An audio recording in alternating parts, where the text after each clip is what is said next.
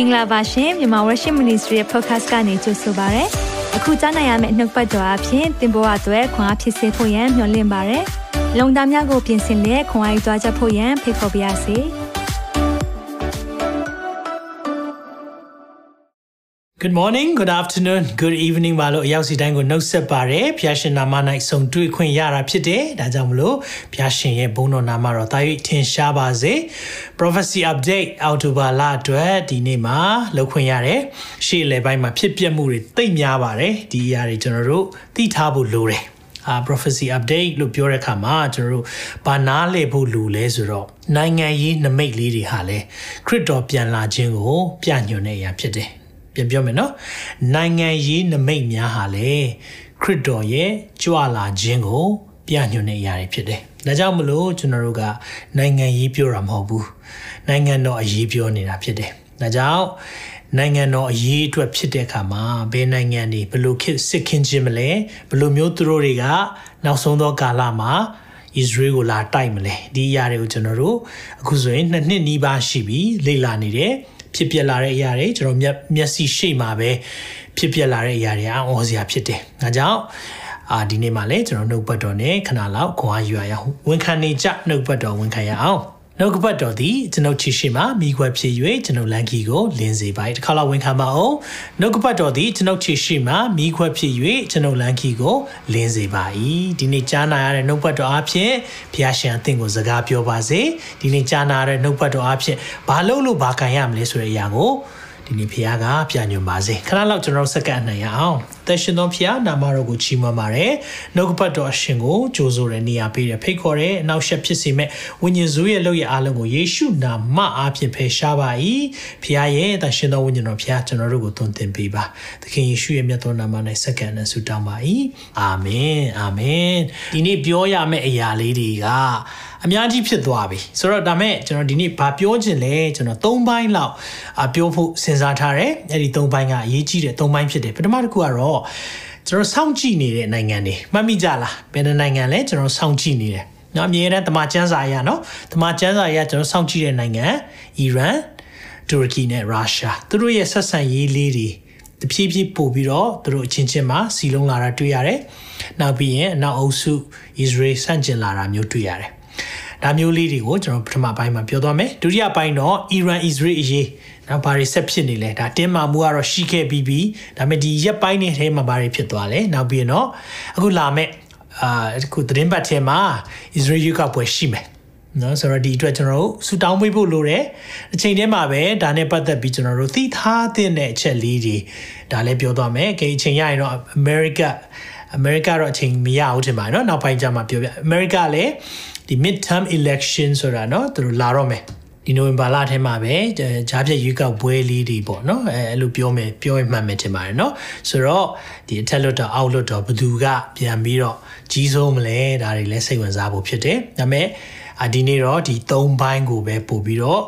အာအချိန်ပေးခြင်းနဲ့ဒါလေးကိုကျွန်တော်တို့ကြည့်ရအောင်ဆိုတော့ဖွင့်နှုတ်ပတ်တော့ကျွန်တော်အမြဲတမ်းဖတ်တဲ့အရာလေးဖြစ်တယ်ဒါပေမဲ့ပြန်ပြီးတော့ဒီနေ့မှလည်းကျွန်တော်လေ့လာရအောင်လူကာ21ငွေ29တပန်ထိုက်၍မိန့်တော်မူသောဥပမာကသင်မောသဖန်းပင်မှာစာ၍တစ်ပင်များတို့ကိုမှတ်ကြလောတဲ့ဆိုတော့သင်မောသဖန်းပင်နဲ့တစ်ပင်တွေကိုမှတ်ပါတဲ့ဆိုတော့တစ်ပင်တွေကိုလိုက်ကြည့်ခိုင်းတာပေါ့ဒါပေမဲ့ဘာလို့ဆိုလိုတာလဲเนาะ အရွက်ပေါက်သောအခါနှွေကာလနီးသည်ကိုသင်တို့သည်အလိုလျောက်တည်မြင်ကြ၏ထိုနည်းတူထိုအကြောင်းအရာများဖြစ်သည်ကိုမြင်ရလင်ပါရီလေဒီသင်မောသဖန်ပင်ဆိုတာကဣသရေလနိုင်ငံနဲ့ဘေးမှာရှိတဲ့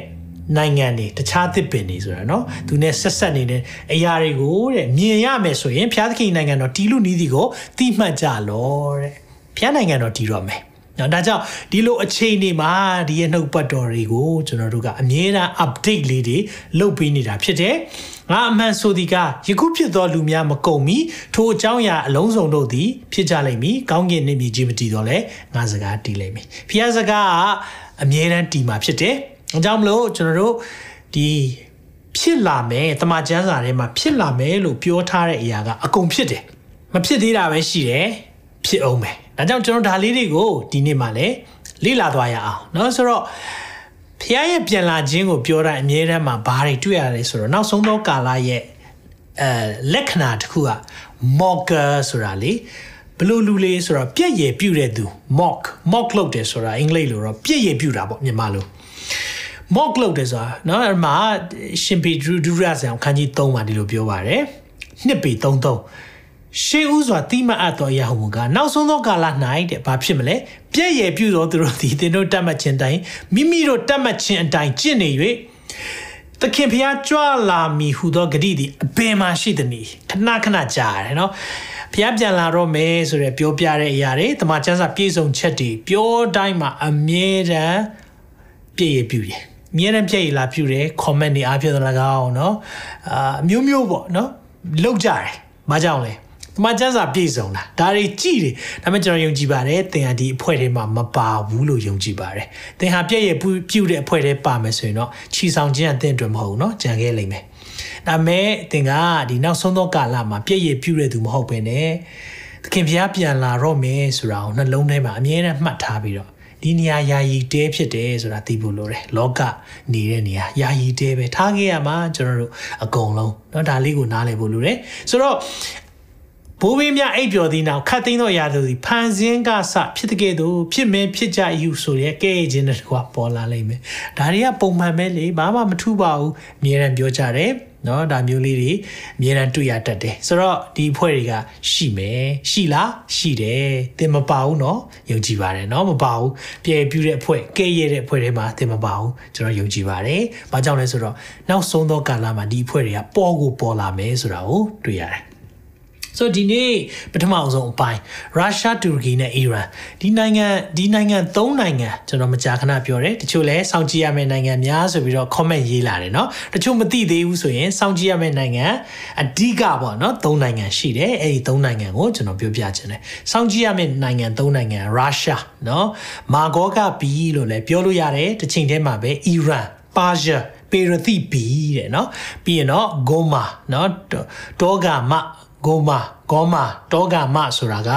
ဘယ်နေရာဖြစ်တယ်လဲဆိုတော့တူရကီနိုင်ငံဖြစ်တယ်နော်ဆိုတော့ဒီနိုင်ငံနေဒီနိုင်ငံနေစောင့်ကြည့်ရမယ်ဆိုတော့ဒီနိုင်ငံလေးတွေကိုကျွန်တော်တို့ဘာကြောင့်ကြည့်နေလဲရေစကြည်လာထဲမှာပြောထားလို့ရေစကြည်လာ38နဲ့39ဖတ်ကြည့်ပါအဲ့ဒီချိန်မှာဒါပေမဲ့ချို့ຢာလေးတွေကနည်းနည်းနည်းနေတယ် နော်ချီဆောင်ချင်းဟာနဲ့နေတဲ့အရာဖြစ်တယ်ဆိုတာကျွန်တော်လေ့လာခဲ့ဘူးတယ်ဆိုချီဆောင်ချင်းကနဲ့နေတဲ့အရာဖြစ်တဲ့အခါမှာလူတိုင်းနားလည်နိုင်လားဆိုနားမလည်နိုင်နားမလည်နိုင်တော့နားလေတဲ့သူတွေပြောပြတယ်ဖះဖော်ပြတဲ့သူတွေပြောပြရင်ဘာလုပ်လိမ့်ရှိလဲဆိုအမြဲတမ်းပြည့်ရပြူတတ်တယ်ဝမ်းနေဖို့ကောင်းတာအဲ့ဒီထဲမှာတချို့နော်အမှုတော်ဆောင်ဆိုတဲ့သူတွေပါနေဆရာတွေဆိုတဲ့သူတွေပါနေတယ်ဝမ်းနေဖို့သိကောင်းတယ် နော်ဒါကြောင့်မလို့ကျွန်တော်တော့ယုံကြည်ပါတယ်နော်ရှင်မသေး87မှာပြောသလိုပဲသခင်သခင်ဟုငါ့ကိုရှောက်တော်သူတိုင်းကောင်းကင်နိုင်ငံဝင်ရလိမ့်မည်မဟုတ်နော်အဲ့ဒါကြတော့သူတို့ပြောလိုက်တယ်ကိုတော့အခွင့်နဲ့ဆုံးမအော်ရာပေးတယ်လေတဲ့ကိုတော့အခွင့်နဲ့နတ်ဆိုးတွေတောင်မောင်းထုတ်တယ်လေတဲ့နည်းနည်းရရပုံကိုယ်တွေတော့မဟုတ်ဘူးဒါမဲ့သခင်ကပြန်ပြောလိုက်တယ် I never knew you သင်တို့ကအလျင်းမသိပြောချင်တာတခါမှမသိဘူးတဲ့ဆိုတော့ အဲ့ဒီအဖွဲ့တွေရှိပါလိမ့်မယ်เนาะဒါကြောင့်ဒါမဲ့ကိစ္စမရှိဘူးကျွန်တော်တို့နှုတ်ကပတ်တော်နဲ့ကိုယ့်ရဲ့အသက်တာပြင်ဆင်ပြီးတော့ကိုရောကြွလာမဲ့အရာလေးတွေကိုအမြဲတမ်းမျှော်လင့်နေအသက်ရှင်နေသူများဖြစ်ရအောင်အာမင်ဆိုတော့ရုရှားတူရကီနဲ့အီရန်ဒီသုံးနိုင်ငံတိတ်ကိုအခုကျွန်တော်တို့မြက်ဝါးထင်တယ်ပြောနေတာအခုအထူးသဖြင့်ဆိုရင်တော့ဒီ MWTV စတဲ့နှစ်နှစ်ကနှစ်နှစ်တာကာလအထဲမှာကျွန်တော်ပြောလာတဲ့အခါမှာဒီသုံးနိုင်ငံရဲ့ အသွားလာလေးတွေကတော်တော်လေးထူးခြားလာတယ်ပို့ပို့ပြီးတော့စီလုံးလာတယ်ပို့ပို့ပြီးတော့သူတို့ရဲ့ရည်တည်ချက်လေးတွေကအနောက်အုပ်စုကိုစန့်ကျင်လာတာတွေ့ရတယ်ဆိုတော့ဒါကြောင့်မလို့သတင်းမီဒီယာတွေမှာလည်းဘာတွေပြောလာလဲဆိုတော့เนาะ partnership of Russia Iran and Turkey တဲ့ဆိုတော့ Russia နဲ့ Iran တို့ Turkey တို့ရဲ့လုတ်ဖို့ဆောင်ဖက်ပေါ့ပေါင်းပေါင်းတဲ့အရာကတဲ့ဘာဖြစ်ဖြစ်လာလဲဆိုတော့ foundation of a new world order ဆိုတာအုပ်ချုပ်မှုစနစ်အသစ်တစ်ခု ဖြစ်လာဖို့ရန်အတွက်เนาะဥတည်နေပြီဆိုတာကိုဒါဒါအာဖျားတရားသိတဲ့သူတွေရေးထားတာမဟုတ်ဘူးတကယ်တော့ journalist တွေဖျားတရားမသိစမ်းစာအောင်မသိတဲ့သူတွေကတော့စပြီးပြောနေပြီเนาะဒါလေးကိုယုံကြည်သူများသိထားဖို့လိုတယ်ဆိုတော့အခုချိန်မှာသူတို့ရဲ့အဲရက်တီချက်တွေကတော်တော်လေးပြောင်းလဲလာတာကိုတွေ့ရတယ်ဆိုတော့ အဒါမကြခင်အချိန်ပိုင်းပေါ့နော်အချိန်ပိုင်းဆိုတာဒီလပိုင်းပဲရှိပါသေးတယ်ဆိုတကယ်တော့ဒီတူရကီကနေတိုးအဖွဲ့ဝင်နိုင်ငံအနောက်အုပ်စုလို့သတ်မှတ်လို့ရတယ်ဒါပေမဲ့သူ့သဘောထားတွေကထူးထူးခြားခြားပဲနေတိုးထဲမှာရှိနေပြီမဲ့ရုရှားတို့เนาะနေတိုးနဲ့ဆန့်ကျင်တဲ့နိုင်ငံတွေနဲ့သူပေါင်းတာကိုတွေ့ရတယ်ဒီမှာပူတင် caught အဲဒိုဂန်ဆိုတော့ဘာပြောလဲဆိုတော့အဓိပ္ပာယ်ကဘာလဲဆိုတော့ရုရှားရဲ့ gas တွေပေါ့နော်ရုရှားရဲ့တဘာဝဓာတ်ငွေတွေကိုတဲ့တူရကီနိုင်ငံကနေတစ်ဆင့်ရောင်းဖို့ရန်အတွက်သူတို့ဆွေးနွေးကြတယ်တဲ့နော်ဆိုတော့သူတို့စီးပွားရေးတွေကြည်လာပြီဒီအရာလေးတွေကြည်လာပြီဒါကိုမြင်တွေ့တဲ့အခါမှာသူတို့ရဲ့အဲရက်တီချက်လေးတွေကပို့ပို့ပြီးတော့တယောက်နဲ့တယောက်နီးစပ်လာတယ် ဒါကိုအာဒီသတင်းမီဒီယာတွေကအကြီးကြီးအံ့ဩပြီးကြည့်နေဒါပေမဲ့တမချန်းစာတည်တဲ့သူတွေကသိမှန်ဩဘာကြောင့်လဲဒီအဖွဲ့တွေပေါင်းကိုပေါင်းပါလေနော်ဒီပေါင်းလာတဲ့အရာလေးတွေတွေ့နေရပြီလားတွေ့နေရပြီကျွန်တော်မျက်ဝါးထင်ထင်ပဲကျွန်တော်ရှိမှတင်ဒီအဖွဲ့တွေပေါင်းနေပြီเนาะနောက်ပြီးတော့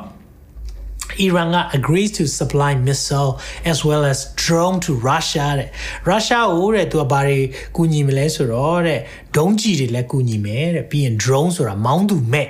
အာလေရင်ငယ်လေးတွေပေါ့နော်အဲ့ဒါတွေလည်းကူညီပေးမယ်တဲ့နော်သူတို့သူတို့ကူညီပေးလားဆိုတော့ဒါဆိုရင်အဲအီရန်ကလည်းဒီ drone technology ဆိုတာဒီသူတို့ထိန်းချုပ်တာပေါ့နော်ဆက်ဆက်ကလေးနဲ့ထိန်းချုပ်ပြီးတော့အဲ့ဒီရင်ပြန်လေးပေါ့နော်မောင်းသူမဲ့ရင်ပြန်လေးကိုဘယ်သွားဘာလို့ဆိုတာထိန်းချုပ်လို့ရတယ်အဲ့တော့ဘာခေါ်လဲဆိုတော့အခုအီရန်ကထုတ်တဲ့ဥစ္စာ suicide drone လို့ခေါ်တယ်ဒီမှာ ကြည့်လိုက်တဲ့အခါမှာလေရင်လေရင်ငယ်လေးပဲเนาะပုံစံလေးอ่ะဒါပေမဲ့အဲ့ဒီထဲမှာပောက်ကွဲစေတတ်တဲ့ပစ္စည်းတွေထည့်ထားတယ်အဲ့ဒါလေးတွေ तू ကထည့်ထားတဲ့အခါမှာဘာဖြစ်လဲဆိုတော့ तू ကအဲ့ဒါနဲ့မောင်းပြီးရင်သူတို့ပြစ်ချင်တဲ့ပြစ်မှတ်ကိုဒီရဲ့ဒီရင်ငယ်လေးတွေကိုအဲ့ဒီထဲမှာသူတို့မောင်းချပလိုက်တယ် suicide drone လို့ခေါ်တယ်လုံးဝဟိုအဆုံးစီရင်တာဆိုတော့ဘာထည့်ထားလဲဆိုတော့ပောက်ကွဲမှုပါတော့အဲ့ဒီမှာ ပြစ်လိုက်တဲ့နေရာမှာတခါတည်းပောက်ကွဲပြီးတော့အကြီးအကျယ်အာပျက်စီးမှုတွေဖြစ်တယ်ဆိုတော့အခုယူကရိန်းမှာရုရှားကအီရန်ကနေပေးတဲ့ဒီ drone တွေကိုစသုံးနေတယ်ဒါကိုတွေးလိုက်တဲ့အခါမှာတော့သူတို့ရဲ့ရက်တီချက်လေးတွေတွေ့လားမသိဘူးเนาะဆိုတော့ပြက်ပြက်တတ်တအခုဆိုရှင်းလာပြီအီရန်ကလည်းရုရှားနဲ့ရက်တီပြီတဲ့တွေ့လားဆိုတော့ဒါမျိုးလေးတွေသူတို့ရက်တီချက်လေးတွေပြောင်းလာတော့ယုံကြည်သူများဗာသိရမလဲ မာဂောကစစ်ပွဲဖြစ်တော့မယ်မာဂောကစစ်ပွဲဆိုတာဘာလဲရုရှားဥဆောင်ပြီးတော့တူရကီရဲ့အီရန်ရဲ့အဓိကပါဝင်ပြီးတော့အစ္စရေးကိုလာတိုက်မယ်အဲ့ဒီစစ်ပွဲနီးပြီဆိုတော့ဒါပုပ္ပနမိတ်တွေဖြစ်တယ်เนาะဆိုတော့ကျွန်တော်တို့ဘယ်တော့ဖြစ်မလဲနီးပြီလို့ပဲပြောလို့ရတယ်เนาะဒါလေးကိုကျွန်တော်တို့ကအခုချိန်မှာအမြဲတမ်းသတိပေးနေတာဖြစ်တယ်ဒါဆိုရင်ဒီတိုက်ပွဲနီးလာလေလေချီဆောင်ချင်းနီးပြီလား နီးပြီပေါ့။ဘာကြောင့်လဲဆိုတော့ဂောကမာဂောကစစ်ပွဲဟာချီဆောင်ခြင်းအနီးတစ်ဝိုက်မှာဖြစ်မယ်လို့ခံမှန်းကြတယ်။တချို့ဆိုရင်တော့ဘေးဒဏ်ကြီးကာလ9နှစ်ရဲ့အလေတက်တက်မှာဖြစ်နိုင်တယ်လို့လည်းခံမှန်းတာရှိတယ်။ဆိုတော့ဘလို့ပဲဖြစ်စေကမူကျွန်တော်တို့ကမြင်တွေ့ရမှာဒီစစ်ပွဲနီးလာလေလေခရစ်တော်ပြန်လာမယ့်အချိန်နီးလာလေလေဆိုတာပို့ပြီးတော့တည်ထားဖို့ဖြစ်တယ်။အခုနိုင်ငံတကာကနေလည်းဒီကိစ္စကိုအီရန်ကိုလည်းအမြဲတမ်းပြောနေတယ်ဆိုတော့နောက်ပြီးတော့ပူတင်က သူကဘာပြောခိုင်းလိုက်သေးလဲဆိုတော့သူ့ရဲ့ဒီဗိုလ်ချုပ်တယောက်ကဘာပြောလဲဆိုတော့နော်ဆိုတော့ daddy bomb ဆိုတာကဒီအဲဘုံညစ်ပတ်ပေါ့ဘုံညစ်ပတ်တွေကိုတဲ့ယူကရိန်းကစပြီးတော့သုံးတဲ့သုံးမယ်ဆိုတဲ့အရာလေးတွေသူတို့ကစပြီးဆွဆွဲပြောဆိုတာလေးတွေ့ရတယ်ဆိုတော့ညစ်ပတ်ဘုံဆိုတာဘာလဲဆိုတော့ဗောနော် daddy bomb လို့ခေါ်တာဗောနော်ဘာလဲဆိုတော့သူကကုံချမ်းကလွယ်လွယ်လေးရတယ် ဘယ်လိုရလဲဆိုတော့ဥမာဆေးရုံသုံးတဲ့ပစ္စည်းတွေเนาะအဲ့ဒီကနေရတဲ့ရေဒီယိုတတ်တူကြွပစ္စည်းတွေအဲ့ဒါတွေ ਨੇ အားလုံးကိုသမျိုးကြဖောက်ခွဲတဲ့ပစ္စည်းတွေပေါ့နော်ဆိုတော့ရန်တွေနဲ့ပေါင်းပြီးတော့လှုပ်လိုက်တယ်ဆိုတော့ तू က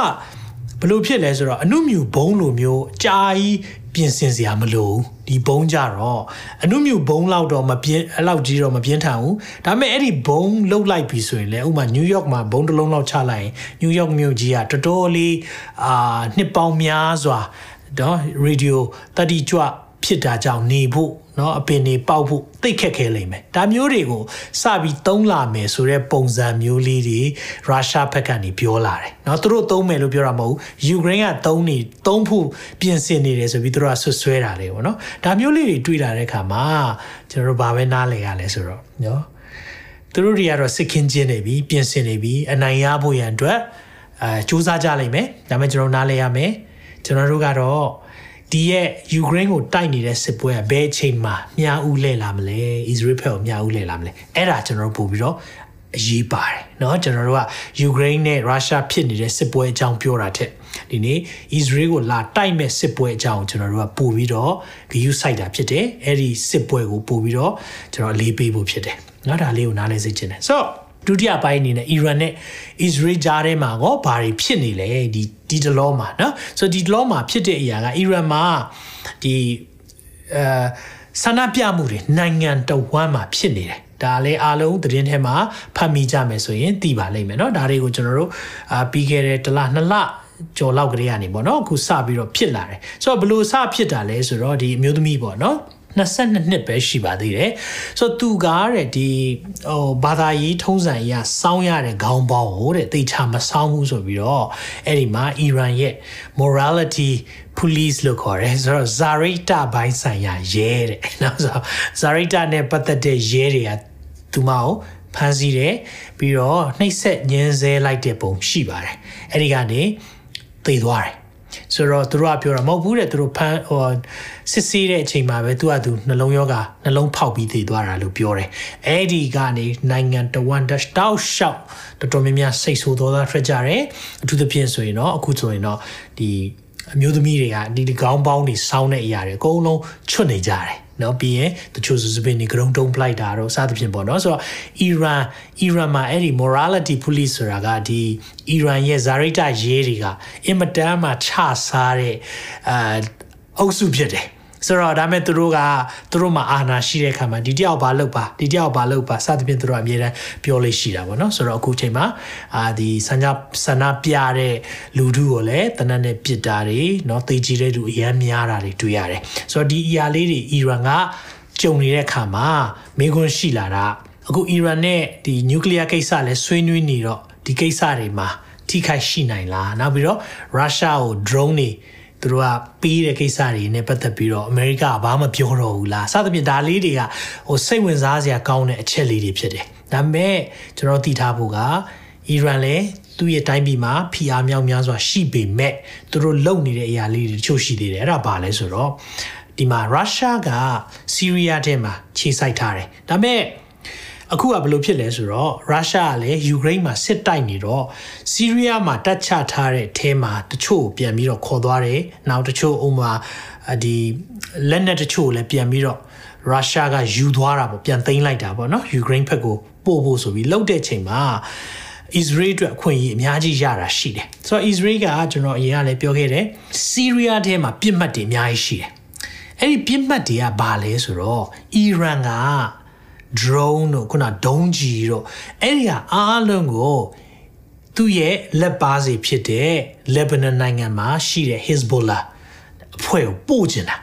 ဆိုတော့သူကပို့ကျင်တော့ Syria နဲ့တစ်ဆင့်အမြဲတမ်းပို့တယ်အဲ့ဒါကိုတည်င်းရပြီဆိုတာနဲ့ Israel တွေကဝင်ဝင်ပြီးတော့ပြစ်တယ်ဆိုတော့ဒီရက်ပိုင်းထဲမှာပဲဘာတွေပြစ်လိုက်လဲဆိုတော့အဲ့ဒီမှာသူတို့ Israel က Syria Damascus နားမှာပဲ ပစ်ထည့်လိုက်တယ်နော်ဆိုတော့ဒါကတစ်ချိန်မကပေါ့အခုဆိုရင်ဖြစ်နိုင်မယ်ဆိုရင်ယာနဲ့ချီပြီးတောင်မှသူတို့လှုပ်ဒီနှစ်တော့ကြာဆိုရင်တော့မြောက်များစွာလှုပ်ခဲ့ပြီးပြီဖြစ်တယ်မလှုပ်လို့လည်းမရတဲ့အခြေအနေဖြစ်တယ်အကယ်၍ဒီလက်နက်တင်ပို့တာပဲဖြစ်ဖြစ်တချို့ဆိုရင်လက်နက်ဆက်ယုံကိုရှိတာပြောတယ်နော်ဆိုတော့ဒီမှာဆိုတော့ဆီးရီးယားမှာရှိတဲ့ Damascus နော် Damascus ကျမ်းစာထဲမှာဆို Damascus မြို့ Damascus မြို့လို့ပြောတယ်နော်ဆိုတော့ Damascus နဲ့ပတ်သက်ပြီးတော့လေ prophet ပြုချက်ရှိတယ် ဟေရှာစခွန်နော်ဓမ္မသက်မြို့ကတဲ့ပျက်စီးမယ်တဲ့နော်ဒါပေမဲ့အခုချိန်ထိဓမ္မသက်မြို့ကကဘာပေါ်မှာအရှိကြဆုံးမြို့အဖြစ်တည်လာတဲ့မြို့ဖြစ်တယ်ဒါပေမဲ့အဲ့လိုမျိုးပျက်စီးဆုံးရှုံးတာမျိုးမရှိဘူးဘူးဆိုတော့အခုဒါစံစာပြည်စုံလာတာတစ်ချက်ပါလဲဆိုတော့ဓမ္မသက်မြို့ဟာတဖြည်းဖြည်းပိုပြီးပျက်စီးလာပြီဖြစ်နိုင်ခြေရှိတာတော့ Israel ကတခုခုဓမ္မသက်မြို့ပေါ်မှာ Damascus ကိုသူတို့လှုပ်လိုက်မယ်ကြီးကြီးမားမားတိုက်ခိုက်မှုတစ်ခုခုဖြစ်လာဖို့အကြောင်းရှိနိုင်တယ်เนาะဘာကြောင့်လဲဆိုတော့ဒီဆီးရီးယားကခွင့်ပြုထားတယ်သူတို့နိုင်ငံမှာမျက်စိမိတ်ထားပေးတယ်အီရန်ကလက်နက်ပို့လိုက်တဲ့ဟာကိုသူတို့လက်ခံပေးတယ်အဲ့ဒီကနေတဆင့် Hezbollah တွေလက်ထဲကိုသူတို့ထည့်ပေးနေတာ Hezbollah တွေက Israel ပြစ်ဖို့ပေါ့เนาะတိုက်ခိုက်ဖို့ဆိုတော့သူတို့ဒါမျိုးတွေကူညီနေတာဆိုတော့ဒါတွေကို Israel နိုင်ငံကမကြာခဏ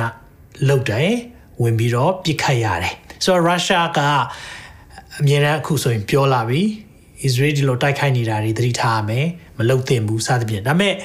သူလည်းယူကရိန်းအရေးကိစ္စရှိတော့နည်းနည်းသူရဲ့ဆီးရီးယားအခန်းကဏ္ဍလေးကသူတို့လုံးဝရုပ်သိမ်းသွားတာတော့မဟုတ်ဘူးဒါပေမဲ့ရှိနေသေးတယ်အင်အားနည်းနည်းလေးနေသွားတယ်အဲ့ဒီအချိန်ကိုအစ္စရေးလည်းခွင့်ကောင်းယူပြီးတော့ဝင်ဝင်ပြီးတော့ပြစ်တာဖြစ်တယ်ဆိုတော့ဒါလေးတွေကြည့်တဲ့အခါမှာ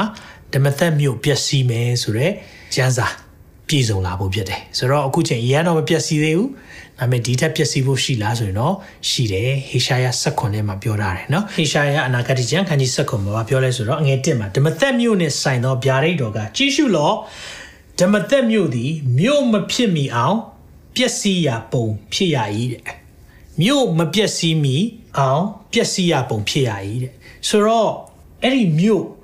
တော်တော်လေးပြက်စီးမယ်ဆိုတဲ့အရာကိုတမန်ကျမ်းစာပြောထားတယ်။ဒါပေမဲ့ဟေရှာယစပြောတဲ့အချိန်ကနေဒီနေ့အချိန်ထိမပြက်စီးသေးဘူး။ဒါမြို့အဖြစ်ရက်တည်နေစေဖြစ်တယ်။ဒါပေမဲ့မြို့လိုတည်လို့မရအောင်ဖြစ်မယ်ဆိုတဲ့ကျမ်းပိုက်ရှိတယ်။ဒါကြောင့်မလို့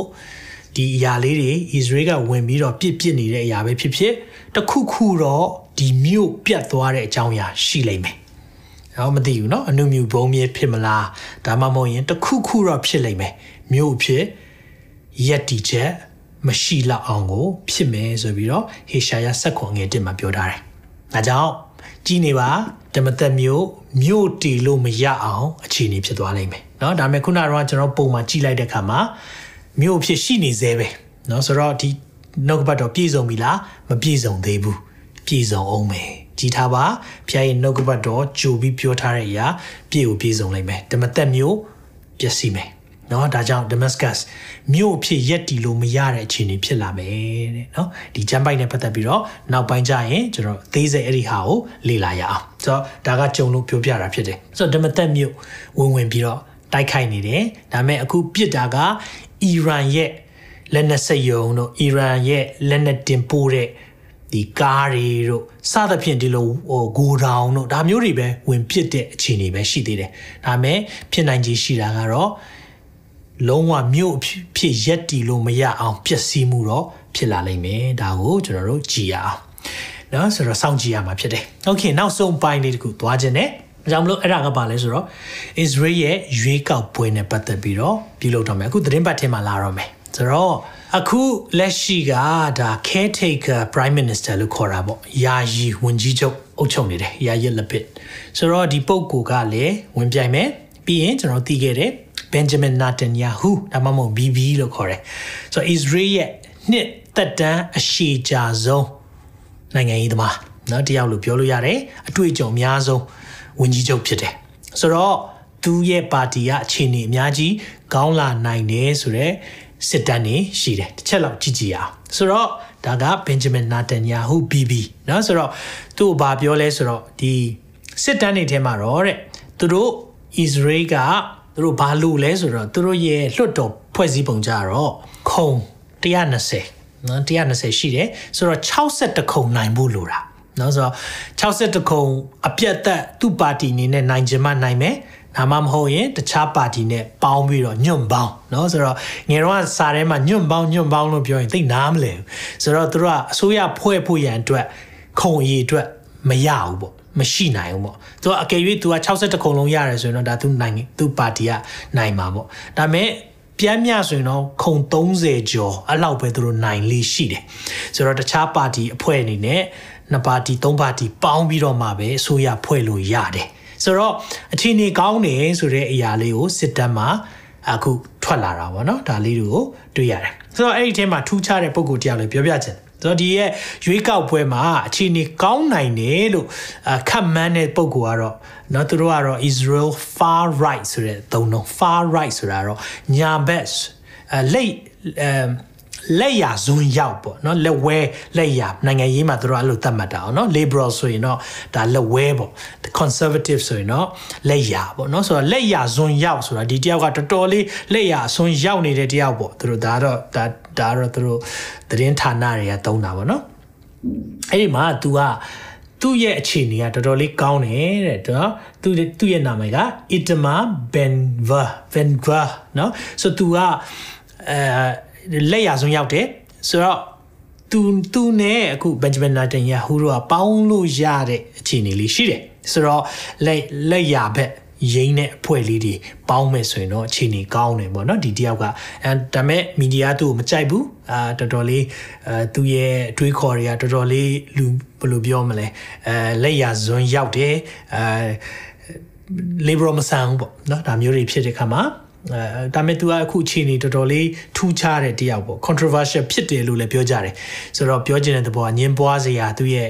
policy လေးတွေရှိတယ်ပေါ့နော်ဆိုတော့သူအခြေအနေကောင်းရင်တော့ Benjamin Netanyahu တို့နဲ့လည်းပေါင်းနိုင်တယ်ဆိုတဲ့အရာလေးတွေစောင့်ကြည့်ရမှာနော်ဒါတွေအခုဒါ poll လေးတွေတွေ့တဲ့အခါမှာတော့အာ Benjamin Netanyahu ရဲ့ party ကတော့ Likud party ပေါ့နော်အဲ့ဒီပါတီကတော့မဲအမြဲတမ်းအများဆုံးရလေးရှိတယ်ဒါပေမဲ့ သူက62ခုံလိုတာပေါ့နော်62ခုံရဖို့ကတော့တခြားအဖွဲ့တွေနဲ့ပေါင်းရမှာပေါ့ဆိုတော့ကျွန်တော်ဆူတောင်းပေးဖို့လိုတယ်။ဘာကြောင့်လဲဆိုတော့ကျွန်တော်ပြပြမယ်။အခုလက်ရှိဝင်ကြီးချုပ်လှုပ်တဲ့သူကနော်ယာရဲလပစ်လို့ခေါ်တယ်။လပစ်ကဘာပြောလိုက်လဲဆိုတော့ပြီးခဲ့တဲ့ရက်ပိုင်းမှာပဲเนาะဒီမှာကြည့်လိုက်မယ်ဆိုရင်အဲဒီ September September လတည်းပဲရှိသေးပါတယ်เนาะဆိုတော့ပြီးခဲ့တဲ့လပေါ့เนาะအဲ့ဒီထဲမှာသူဘာဘာပြောလဲဆိုတော့ ဒီကုလသမဂ္ဂမှာသူမိန်ကွန်ပြောတဲ့အချိန်မှာ तू ပြောသွားတဲ့စကားကတော်တော်လေးသတိထားမယ်စကားလုံးတစ်ခုနဲ့ဖျားရဲ့မြေကိုအာထိခိုက်တဲ့စကားလုံးလေးတစ်ခုသုံးသွားတယ်အဲ့ဒါဘာလဲဆိုတော့ two state solution နော်ဒီကအနိုင်ပတ်သက်ပြီးတော့လည်းနောက်ပိုင်းအသေးစိတ်ပြောပြခြင်းတယ် two state solution ကဘာလဲဆိုတော့ Israel မှာအခု အတူရှင်တွဲနေထိုင်တဲ့အဖွဲ့တွေရှိတယ်ပါလက်စတိုင်းတွေနော်ပါလက်စတိုင်းတွေဆိုတော့ကျန်းစာအရကြည့်မယ်ဆိုတာဖိလစ်နော်ဖိလစ်တိနော်ဂေါလီယက်အမျိုးတွေပဲပြောပါစို့နော်အဲ့ဒါအနည်းဆက်ဆုံးဖြစ်ပါလိမ့်မယ်ဒီမျိုးတွေနဲ့အမြဲတမ်းရှိနေတဲ့အခါမှာဘာဖြစ်လဲဆိုတော့သူတို့တွေကမဟုတ်ဘူး Israel မင်းနေမင်းတို့က ဒီမြေကို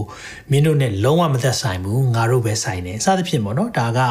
လုံးဝအခုချိန်ထိညှိလို့မရတဲ့ဥစ္စာဖြစ်တော့သူကဘာပြောလဲဆိုတော့ two state solution ပေါ့နော်နှစ်နိုင်ငံအုပ်ဒါနိုင်ငံခွဲပေးလိုက်ရင်မကောင်းလားပေါ့နိုင်ငံခွဲပေးလို့နိုင်ငံခွဲမယ်ဆိုရင်သူတို့ကဘာလိုချင်တာလဲဆိုတော့ Jerusalem နော် Jerusalem မြို့လိုချင်တာဒါပေမဲ့ယေရုရှလင်မြို့ရှိတဲ့နေရာကျွန်တော်အားလုံးသိတယ်ကျမ်းစာသိတဲ့လူတွေယူရာပီရှာမာရီပီနော် အဲဒါက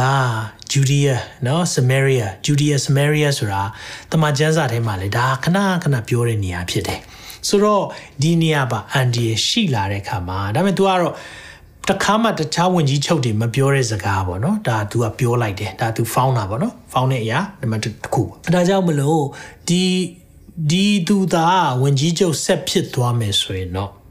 သရေလနိုင်ငံအတွက်တော့အင်မတန်မှရင်လေးစရာဖြစ်တဲ့အရာဖြစ်တယ်။ ဒီချိန်ထဲမှာပဲဖခင်ရဲ့မြေကိုခွဲလို့မရအောင်။နော်ဖခင်ကဒါ Holy Land သူ့ရဲ့တန့်ရှင်းတဲ့မြေအဲ့ဒါကိုခွဲပြီးတော့ပေးမယ်တော့နော်လှုပ်လိုက်မယ်အဲ့ဒါမျိုးတွေလှုပ်လို့မရအောင်။ဒါကြောင့်မလို့ဒီအရာလှုပ်တိုင်းမှာလည်းအမင်္ဂလာရှိတယ်။နော်ဒါတွေကတော့ကျွန်တော်သိစိတ်မပြောတော့ဘူးဆိုတော့ဒါပထမတစ်ခုပေါ့နော်သူပြောလိုက်တဲ့အရာတတိထားမိတဲ့အရာရှိတယ်နောက်သူ့ရဲ့လှုပ်ရက်ထဲမှာဒုတိယလှုပ်တဲ့ဟာသူကတကယ်တော့ယာယီဝင်ကြီးချုပ်ဖြစ်ပေမဲ့အစ္စရေးနိုင်ငံအတွက်ကြီးမားတဲ့အဲဒီ နိုင်ငံရေးဆုံးဖြတ်ချက်တစ်ခုလည်းထပ်ချလိုက်တာတခုကဘာလဲဆိုတော့အဲ့ဒီ Israel နဲ့ Lebanon ကြားထဲမှာအငင်းပွားတဲ့ရေပိုင်နက်လေးရှိတယ်။အဲ့ရေပိုင်နက်မှာ gas ထွက်တဲ့အခါမှာ Israel က gas ယူနေတာ။အဲ့ဒါကို Lebanon အဖွဲ့ကမကျေနပ်တဲ့အခါသူတို့လည်းထုတ်နိုင်တာမဟုတ်ဘူး။ဒါပေမဲ့ဒါငါတို့ရေပိုင်နက်ဖြစ်တကယ်တော့အဲ့ဒါက Israel နဲ့အငင်းပွားနေတဲ့နေရာပေါ့။ဆိုတော့သူတို့ Lebanon နဲ့ Israel ကြားမှာတန်တမန်ဆက်သွယ်ရေးမရှိတော့ အမေရိကကဝင်ပြီးတော့ဂျားဝင်ဆေးဆက်ပေးတဲ့အခါမှာ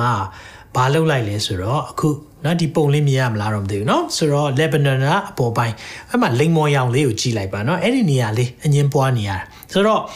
အဲ့ဒီမှာအပြာရောင်အကွက်အကွက်လေးတွေကဘာလဲဆိုတော့ဒါကတဘာဝတန်ငွေထုတ်တဲ့နေရာ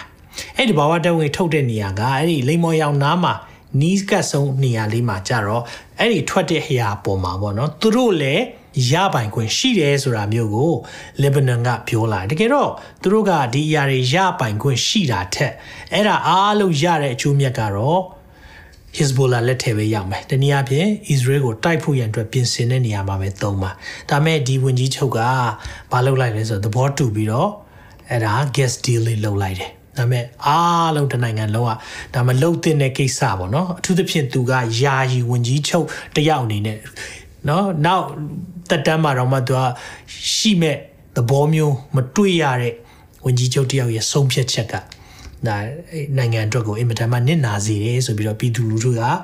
ဒါမကျေနပ်ကြအောင်ဆိုတော့အခုချိန်မှာတော့သူရဲ့ပါတီအနေနဲ့တော့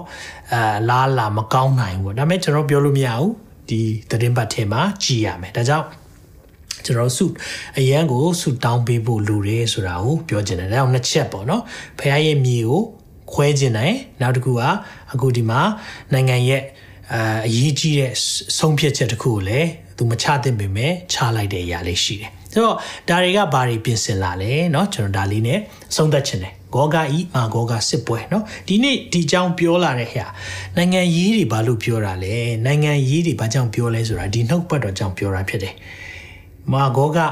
စစ်ပွဲမှာဘာပြောလဲဆိုတော့ရေစကြည်လာ38အငယ်1ကနေ6ထာဝရဘုရားကြီး တပန်းထာရပြိုင်နှုတ်ဘတ်တော်ဒီငါစီတို့ရောက်လာ၍အချင်းလူသားဒါရေစကြည်လာကနှစ်ပေါင်း2600ကျူပြီးတော့ပြောထားပြီးယောရှပီမေရှက်ပီတူပွိလပီကိုအစိုးရတော့ဂောဂမေမာဂောဂပီတာဂောဂမေအဲ့ဒါကအခုချိန်မှာ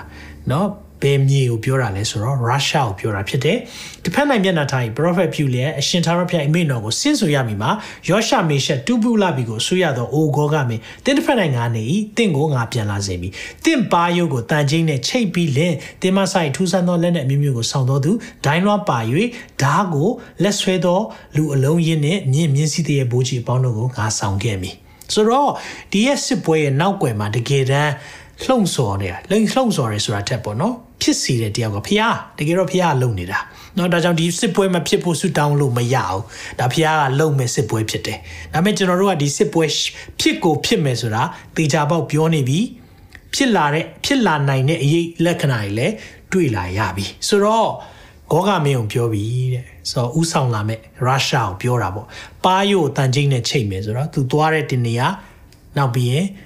တခြားတနေရာဘာကြောင့်ဖြစ်နိုင်လဲဆိုတာကျွန်တော်တစ်ခေါက်ကဆွေးနွေးမှုပါတယ်ဒီယူကရိန်းစစ်ပွဲဖြစ်တော့ရုရှားကတဘာဝတက်ငွေတင်ပို့မှုတွေပိတ်ခံရတယ်နော်ပိတ်ပိတ်တာပေါ့ဒါပေမဲ့ဥရောပလည်း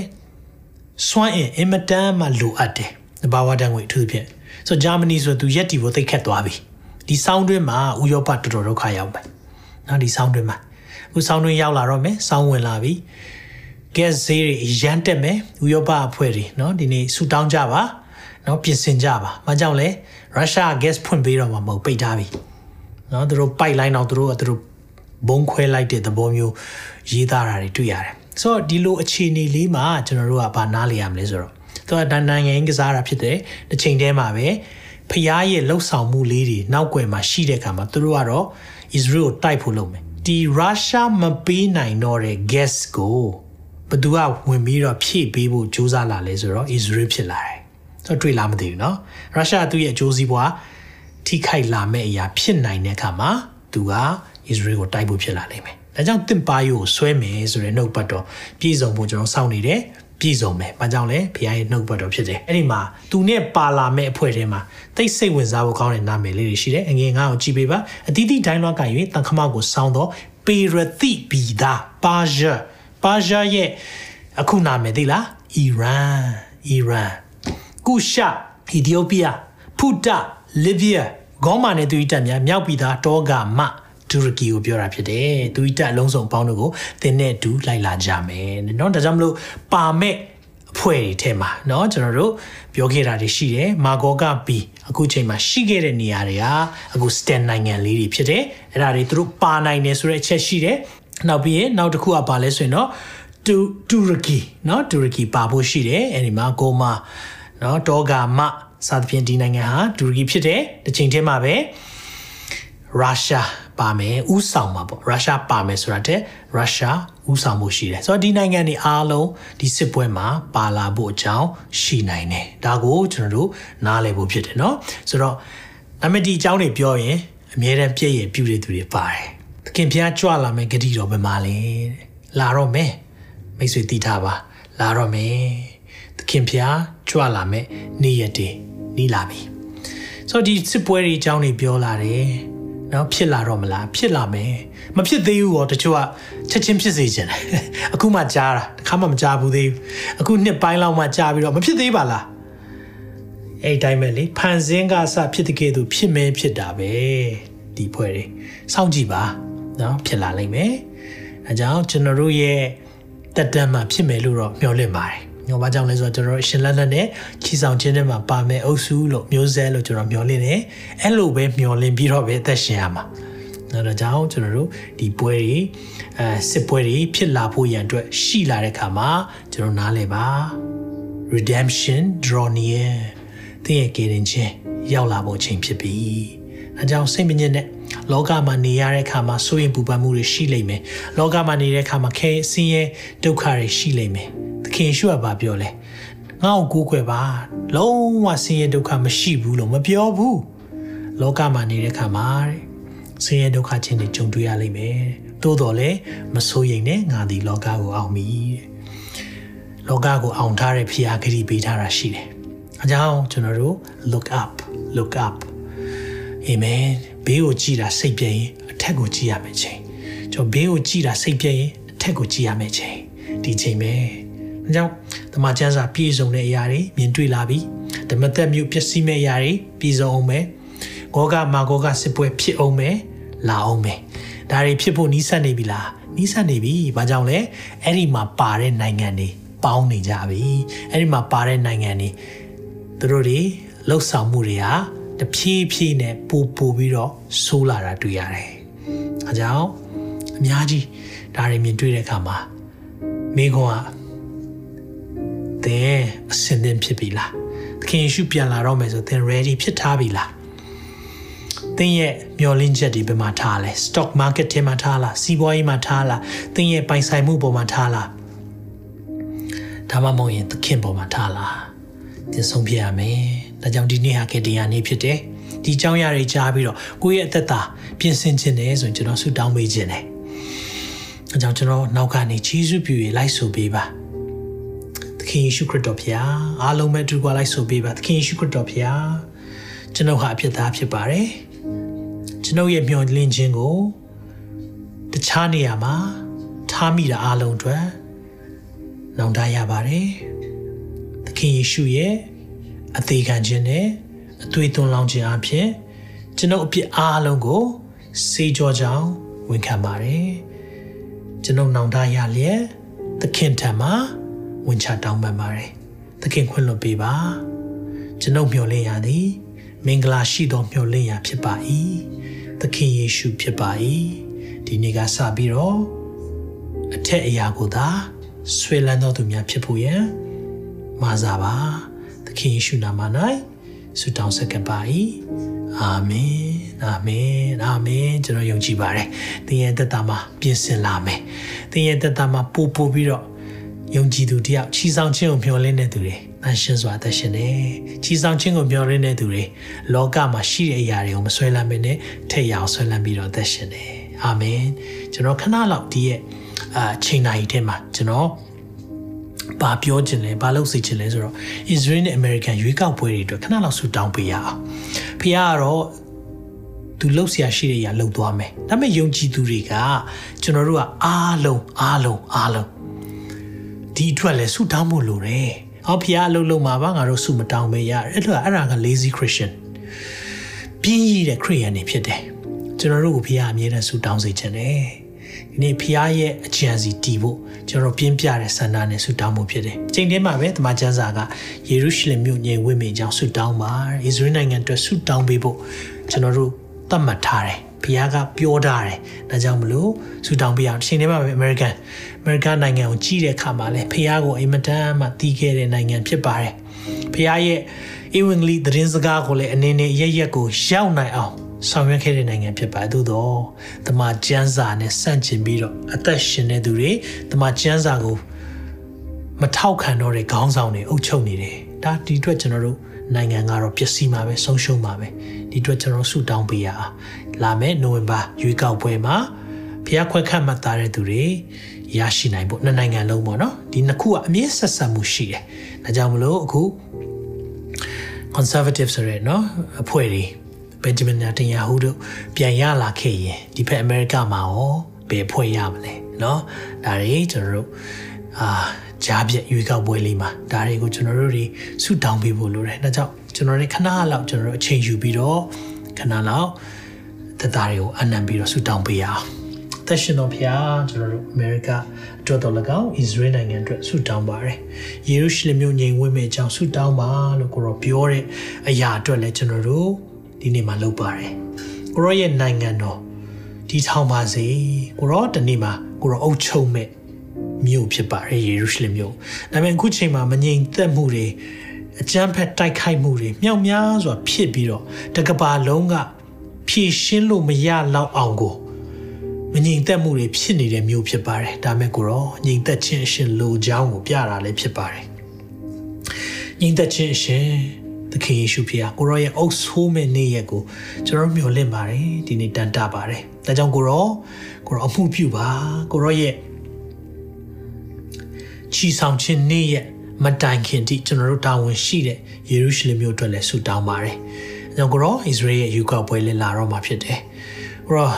စစ်တမ်းတွေကဘယ်လိုပဲပြောပြောစစ်တမ်းတွေကဘာပဲလုပ်လို့ကိုရောရဲ့ဆုံးဖြတ်ချက်ဟာအတီးဖြစ်ပါတယ်။ဒါကြောင့်ကိုရောကိုရောခွဲခတ်မှတ်သားတဲ့ နိုင်ငံရေးသမားများကိုရောလှုပ်ဆောင်လိုတဲ့သူများကို ခွဲခတ်မှတ်သားပါမိကြောင်းဆုတောင်းပါတယ်ကိုရောဒီနေ့ကိုရောကိုရောနိုင်ငံကိုတမန်တရားပေါ်မှာယက်တည်ပြီးတော့ဥဆောင်မဲ့သူများအထူးလိုအပ်ပါတယ်ဒီလိုအချိန်မှာအထူးသဖြင့်လိုအပ်ပါတယ်ဒါကြောင့်ကိုရောပြင်ဆင်ပေးပါဒီနေ့ဘင်ဂျမင်နာတန်ယာဟုလည်းယေရှုနာမနဲ့ကောင်းချီးပေးဆုတောင်းပါတယ်ရောဒီရဲ့ သူရဲ့အတွေ့အကြုံပေါ်အားကိုးခြင်းမဟုတ်ဘဲနဲ့ဖျားကိုအားကိုးတော်သူဖြစ်ဖို့ရန်အတွက်ဆုတောင်းပေးတယ်။ဒီချိန်ထဲမှာပဲအမေရိကရဲ့ November election အတွက်ဆုတောင်းပါတယ်။အထက်လွှတ်တော်အောက်လွှတ်တော်နဲ့ပတ်သက်ပြီးတော့ဘာဖြစ်လာမလဲကျွန်တော်တို့မသိပါဘူး။လူတွေကတော့အမျိုးမျိုးစစ်တမ်းတွေကောက်ပြီးတော့တုံးတက်နေကြပါတယ်။ဒါမဲ့ကိုရော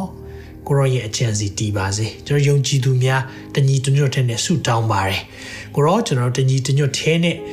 ကိုရောရဲ့အလိုတော်ကိုရှာပါတယ်။ဒါကြောင့်နိုင်ငံပေါ်မှာကိုရောမှုပြုပါ။ကိုရောကိုမကြောက်တဲ့ကိုရောရဲ့တမန်တရားကိုမလေးစားတဲ့သူများအုပ်ချုပ်တဲ့အခါမှာတိုင်းပြည်ဟာကြာဆင်းကြောင်းမြင်တွေ့ရပါတယ်။အဲကြောင့်ကိုရောကိုရောရဲ့တမန်တရားပေါ်မှာလိုက်နာမဲ့ကိုရောဂျုံကိုခွဲခတ်မှတ်သားပါ။ပူဆောင်ပေးပါ။ကျွန်တော်ဘသူကိုဘသူကိုကျွန်တော်ရစေချင်တယ်ဆိုတာထက်ကိုရောကိုရောရဲ့အကြံစီနဲ့အလိုတော်ပဲတည်ပါစေ။လက်ဝဲနိုင်ပဲအပ်ပါတယ်ဣသရေလနဲ့အမေရိကကိုကိုရော အမှုပြုပါကြည့်ရှုကြပါလက်တော်နဲ့အနန္တခါမှာတပါးရောသားရမြတ်သခင်ရှုနာမ၌စက္ကန့်နဲ့ဆုတောင်းပါ၏အာမင်အာမင်ကျွန်တော်တို့နောက်လာတဲ့မှာပြန်လည်ဆုံတွေ့ရအောင်ဖျာရှင်အသင်ကိုအထူးကောင်းကြီးပေးပို့ဆောင်ပါစေ God bless you all တင်ခုလိုနာဆင်ခွန်အားနိုင်ခြင်းဟာမြန်မာ Worship Ministry ကိုလာဆင်ပန်ပိုးနေကြတဲ့ Kingdom Partners များအကြောင်းဖြစ်ပါတယ်။ဖျားခင်နိုင်ငံတော်ကျယ်ပြန့်ရေးအတွက်လာဆင်ပေးကမ်းပောင်းဖို့ရန်ဖိတ်ခေါ်လိုပါတယ်ရှင်။